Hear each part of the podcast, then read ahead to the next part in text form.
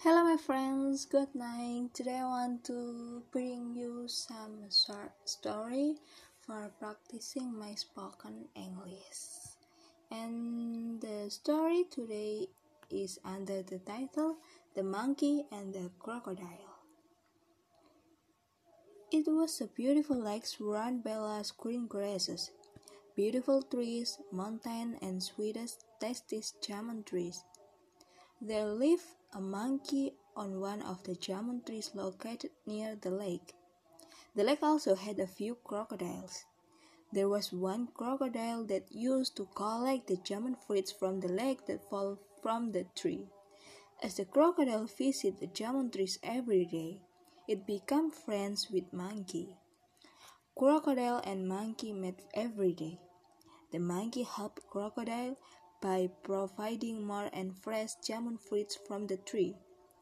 Their, their relationship continued and they became close pals. One day, the monkey asked the crocodile to give some jamun fruits to his wife and family as the fruits were more delicious. The crocodile agreed and took a lot of jamun fruits to his wife. His wife was so happy and surprised that she never ate so delicious fruits so far. She inquired her husband where he got those fruits. The crocodile told her, his friend, monkey who lives in a jamun tree gave this for him.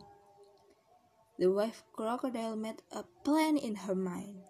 She asked her husband does your friend eat these fruits every day? The crocodile replied, Yes. She added, Oh my goodness, these are the sweetest fruit we ever ate. Imagine how delicious the monkey's heart would be if he ate these fruits daily. I need the heart of your friend. Can you please bring it for me?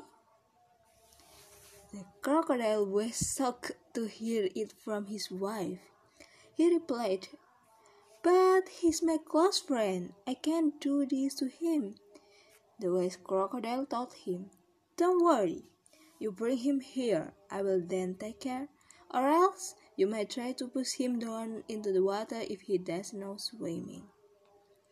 After a long time, the crocodile agreed to bring Monkey to his wife. The very next day, Crocodile invited Monkey to join them for lunch and asked for his favorite foods.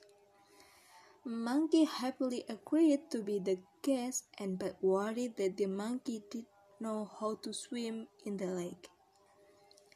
Crocodile, on thinking about Monkey's sorrow, pleased Monkey and told him, Don't worry, I will carry you on my back and will take you back safely too. The monkey accepted, and Crocodile rode him to his home on his back on the water. As they reached halfway, the crocodile tried to push Monkey down into the water. However, Monkey held the crocodile tightly and didn't fall. Monkey got suspicious about Crocodile's act and asked him to tell the truth. Since Crocodile believed him as his good friend, he talked about the conversation and the fact his wife and he and with him and he was taking monkey to eat his heart.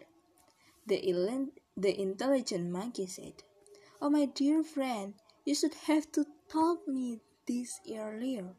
I left my heart on one of the branches of the tree, as I won't carry if I travel long.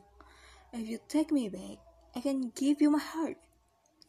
Crocodile accepted and rode the monkey back to the lake.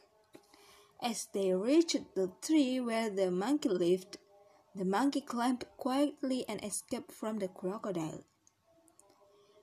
He shouted at the crocodile, I thought you as a good friend, but you cheated me. I will never come back and never be your friend. The crocodile understood his mistake and returned back home empty handed, losing a good friend indeed.